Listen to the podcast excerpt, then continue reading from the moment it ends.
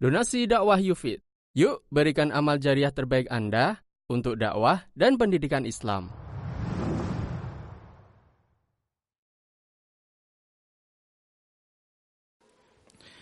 Innal hamdalillah nahmaduhu wa nasta'inuhu wa nastaghfiruhu wa natubu ilaihi wa na'udzu billahi min syururi anfusina wa sayyiati a'malina. May yahdihillahu fala mudilla lahu wa may yudlil fala hadiyalah.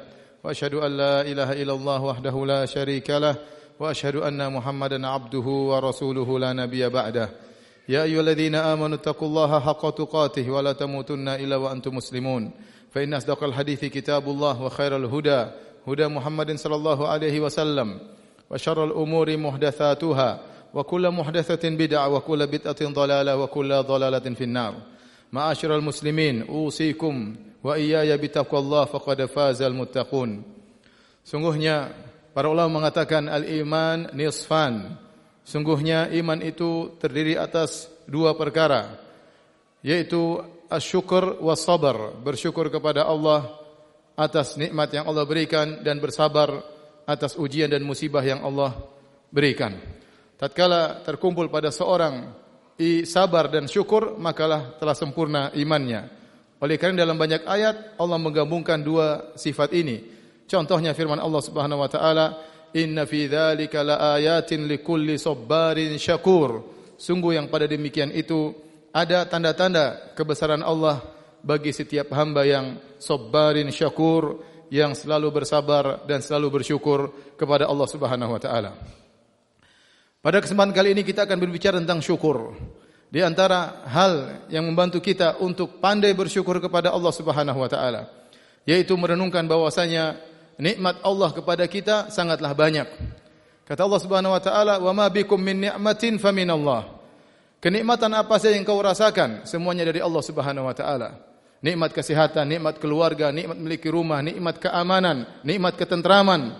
Semua nikmat, nikmat jabatan, nikmat apapun yang kita rasakan semuanya dari Allah Subhanahu wa taala. Terlebih lagi Allah Subhanahu wa taala berfirman dalam dua ayat, "Wa in ta'uddu ni'matallahi la tuhsuha." Jika kalian menghitung-hitung nikmat Allah Subhanahu wa taala, kalian tidak akan mampu menghitungnya.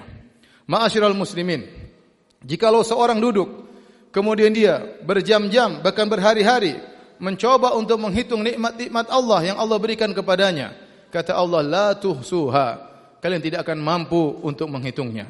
Kenapa? Karena nikmat Allah terlalu banyak yang Allah berikan kepada kita.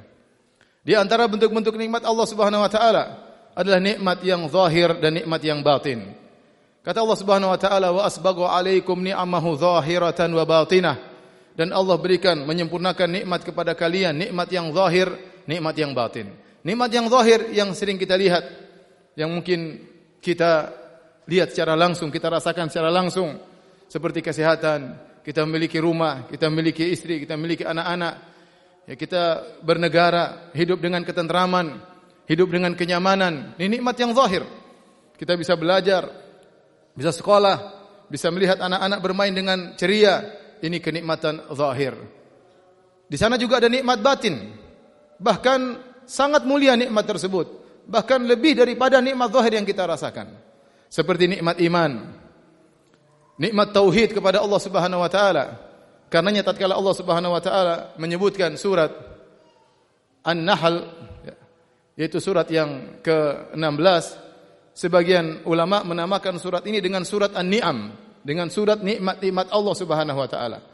Kenapa? Karena pada surat ini Allah buka dengan menyebut nikmat-nikmat Allah.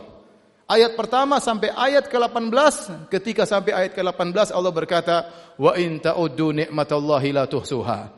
Jika kalian menghitung-hitung nikmat Allah, kalian tidak mampu untuk menghitungnya. Jadi ayat 1 sampai 18 Allah menyebutkan nikmat-nikmat.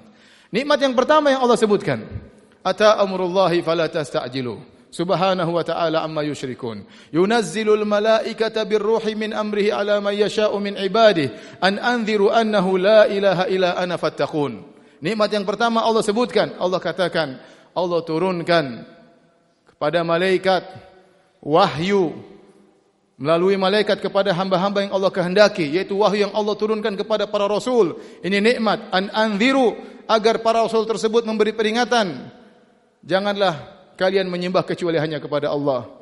Tidak ada yang berhak disembah kecuali aku kata Allah Subhanahu wa taala. Ternyata nikmat pertama yang Allah sebutkan dari rentetan nikmat adalah nikmat tauhid. Ini terkadang tidak kita sadari, ini nikmat batin yang luar biasa. Lihatlah kita lihat sekeliling manusia, betapa banyak miliaran manusia masih menyembah manusia, masih menyembah nabi. Miliaran manusia masih menyembah berhala. Miliaran manusia masih menyembah sapi. Betapa banyak orang yang masih melakukan kesyirikan, masih banyak percaya kepada dukun, masih banyak kasih sajen kepada ruh-ruh dan jin-jin. Sementara Allah katakan an anziru annahu la ilaha illa ana fattaqun, berilah peringatan kepada manusia bahwasanya tidak ada yang berhak disembah kecuali hanya aku Allah Subhanahu wa taala, maka bertakwalah kepadaku. Nikmat iman, nikmat tauhid yang menyelamatkan seorang kelak di akhirat dari azab neraka jahanam yang kekal abadi menuju kenikmatan surga yang abadi pula. Nikmat ketentraman, nikmat kebahagiaan. Betapa banyak nikmat batin yang kita rasakan meskipun kita tidak memiliki harta yang banyak.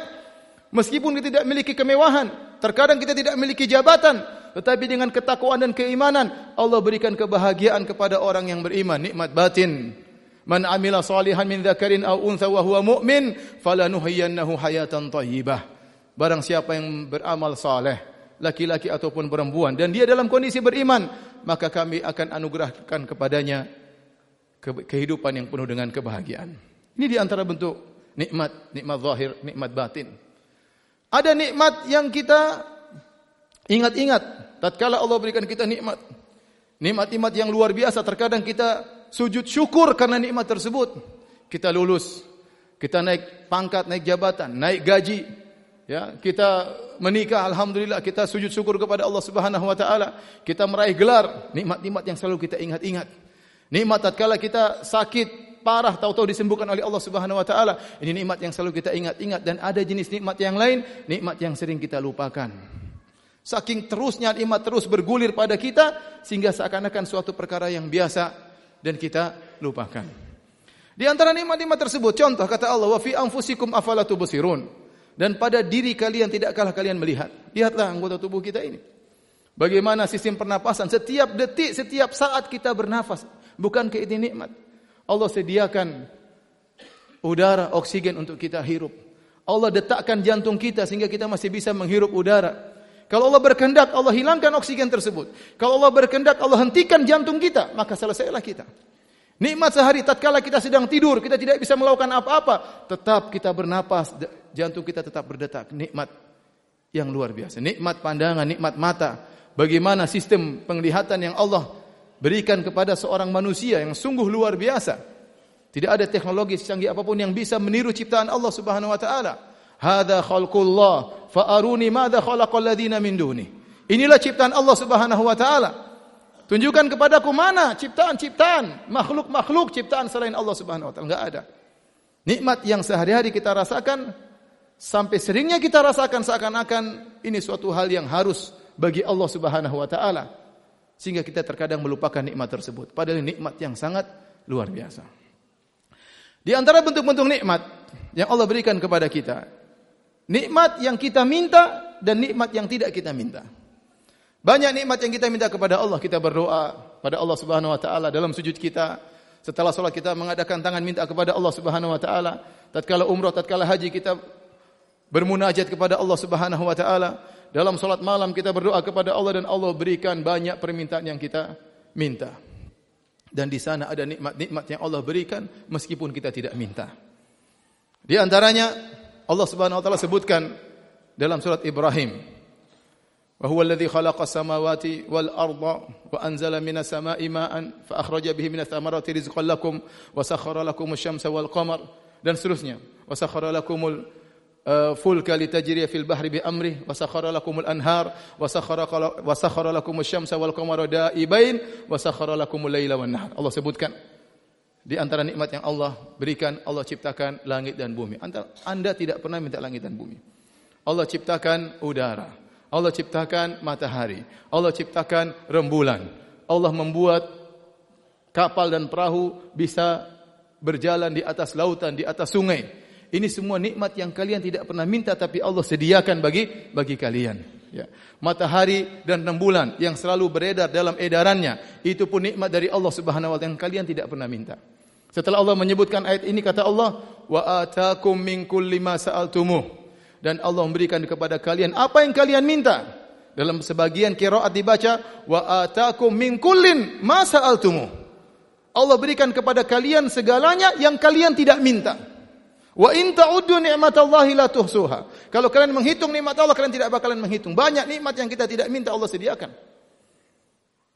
Karenanya tatkala Nabi Musa alaihissalam berdoa kepada Allah Subhanahu wa taala surah Thaha.